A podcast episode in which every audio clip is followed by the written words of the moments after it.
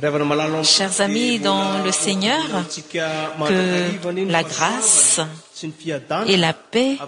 venant de dieu le père et de jésus-christ notre seigneur vous soint donnés amen c'est avec joie que je vous salue encore e ce dimaousomms no dans le temps de cêmuouui nous sommes le è dimanh pornous prparer nous préparer avant le cheminement de la croix pour nous préparer à la célébration de la résurrection de jésus christ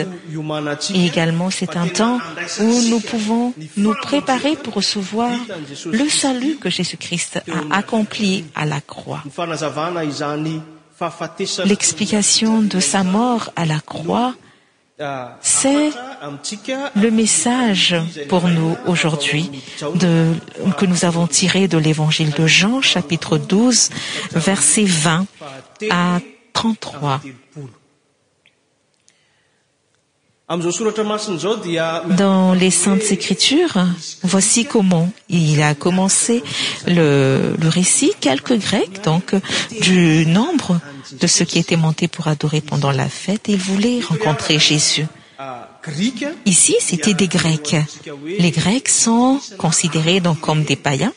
des personnes qui étaient en dehors du peuple d'israël les grecs ce sont des personnes qui craignaient dieu qui étaient convaincues de l'enseignement euh, dans les synagogues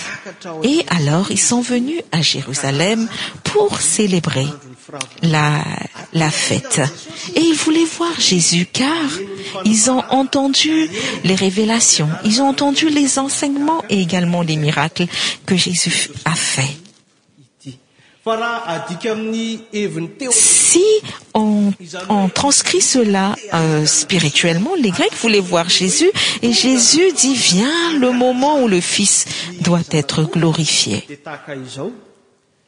le temps de célébration du fils de l'homme c'est le moment où dieu a manifesté sa gloire à la croix la mort de jésus-christ à la croix c'est ça qui était la porte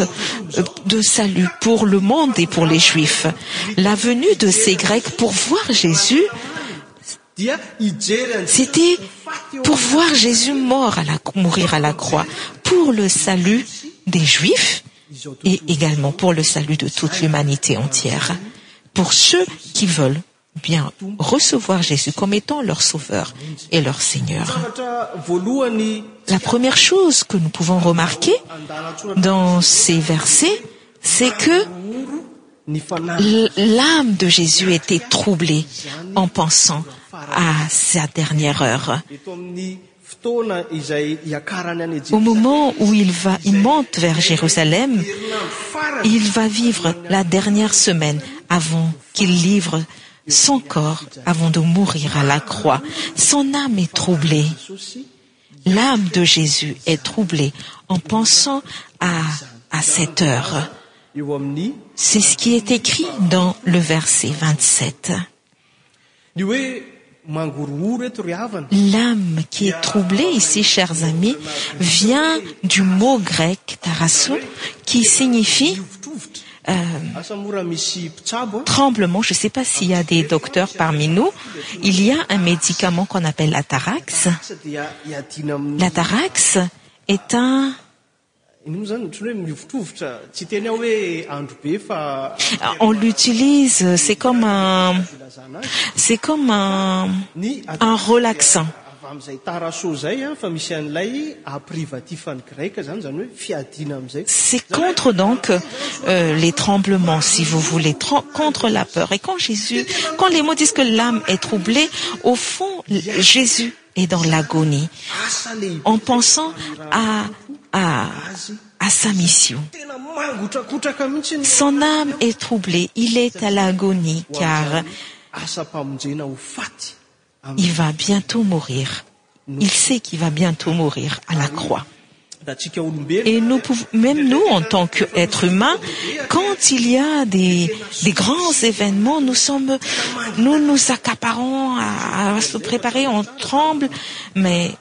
peut-être que c'est pas ainsi mais je me rappelle le jour où je me suis marié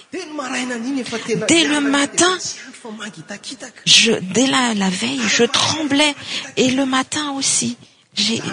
arrti ps e treble alor que cétait ue grاe mais ie s qui va done sa vie ç pour toi et moi son âme était troublée il était un homme à part entière mais il était également dans sa divinité c'est l'enseignement de luther en jésus on peut on trouve l'image o en tant qu'homme mais également o dieu il y adx deux entités différentes mais qui se complètent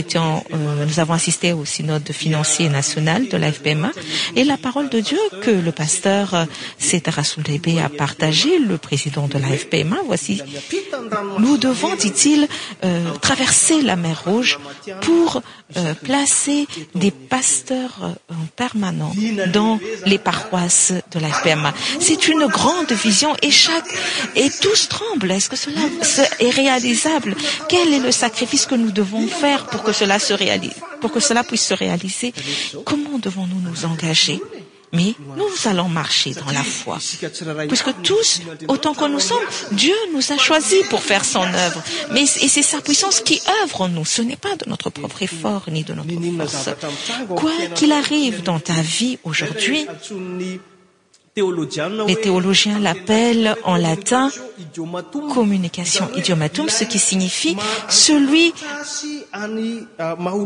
moi jésus en tant qu'homme et en tant que dieu il y a une euh, relation et c'est en christ que dieu voit notre misère car christ s'est fait homme comme ah, nous et en christ également nous pouvons voir salutet nous pouvons vivre la vie dans les cieux et la vie qui vient de dieu dieu voit ce que tu as dieu voit ce qui t'arrive il sait il voit tes peurs tes craintes tes doutes lui qui a déjà subi cela avant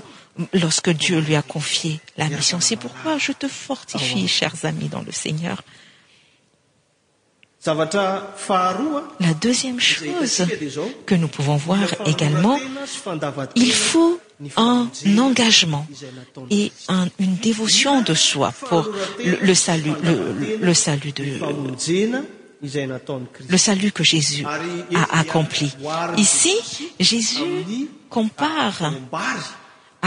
gin de iz quand on sème le grain de riz il faut d'abord que ce grain meurt pour pouvoir porter de fruit et c'est ainsi que jésus doit mourir pour que nous puissions être sauvés nous pouvons voire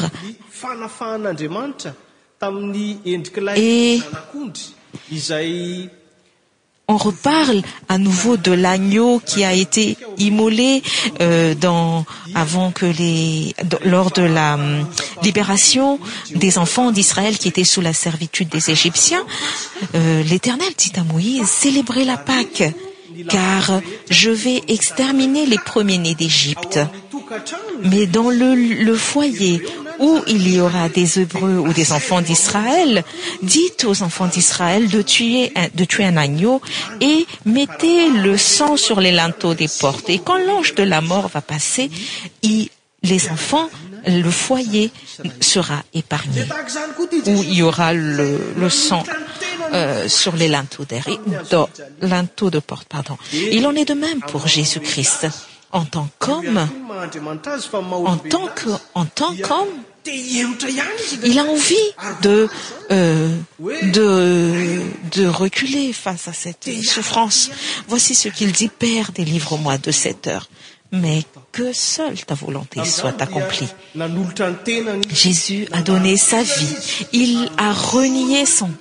il s'est renié et euh, il a accepté de mourir à la croix pour toi et moi et le sang qu'il a versé à la croix c'est ce sang qui nous protège de la colère de dieu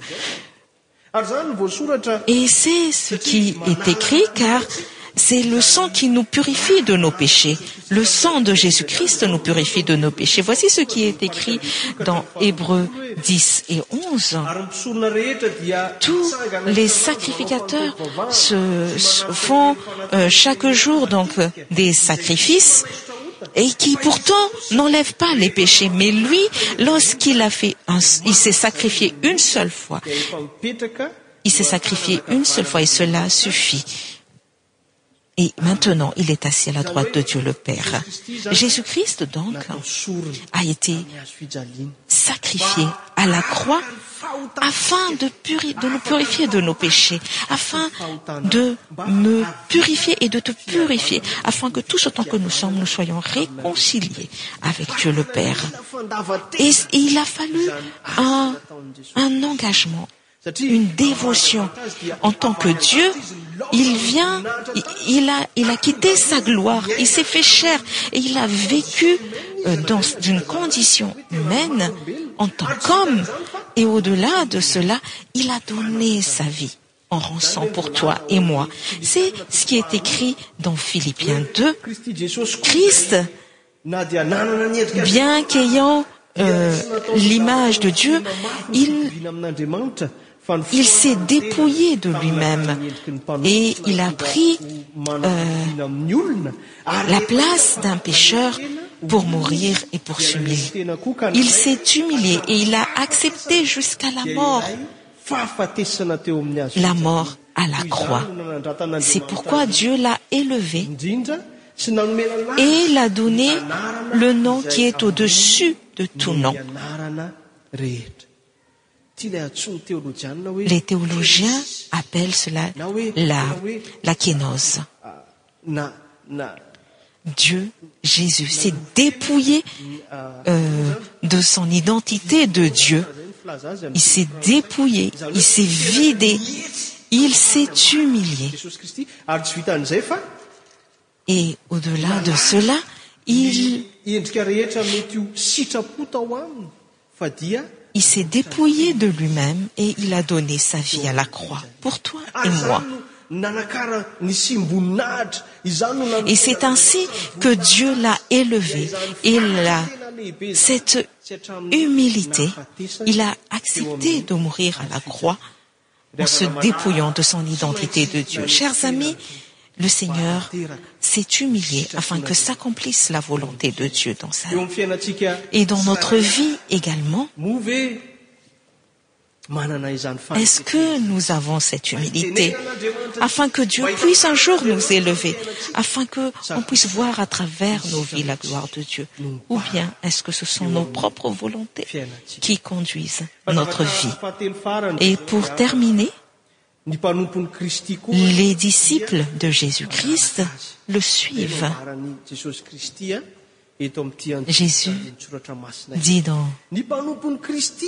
serviteurs de jésus le suiventc'est-à-dire ils suivent ce chemin de don de soi ce chemin d'engagement si on veut voir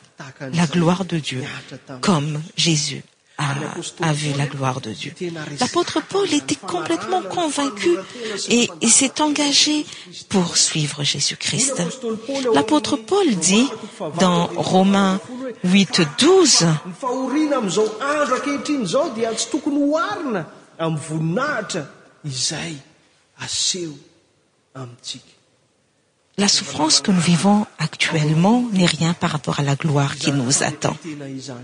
cette humilité chers amis c'est le chemin que nous devons emprunter pour suivre jésus christ et c'est ainsi que l'apôtre paul explique qnous devons crucifier à la croix notre chair nos pensées en tant qu'être humain car toutes ces choses nous empêchent d'accomplir la volonté de dieu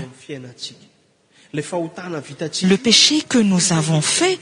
c'est seulement une apparence extérieure mais en ous il y a ce qu'on appelle le vieil homme et la convoitise de la chair il faut la crucifier à la croix dit l'apôtre paul voilà pourquoi il dit après avoir crucifié sa chair à la croix voici ce qu'il dit j'ai été crucifié avec christ à la croix et ce n'est plus moi qui vis dit l'apôtre paul mais c'est christ qui vis en moi galate serviteur de dieu peuple de dieu est-ce que tu veux vivre une vie nouvelle en dieu est-ce que tu veux marcher selon la volonté de dieu veuille alors crucifier à la croixa chir ee convoitisesl'apôtre paul dit ne savez-vous pas que celui qui est à christ a crucifié sa chair et ses volontés et ses convoitises à la croix s amis ilest importt pour ous de crucifienotre chr à a coixs ao à a croix nos chés e afin que dieupuisse nous paronne mais c'est là également que nous devons crucifier nos cnvoitises et notre chr si cela est accompli dieu se manifestera dans ta vie il te glorifiera et ainsi tu pourras accomplir la volonté de dieu qui est agréable et justeet c'est ainsi quetu pourras faire euh, de grandes choses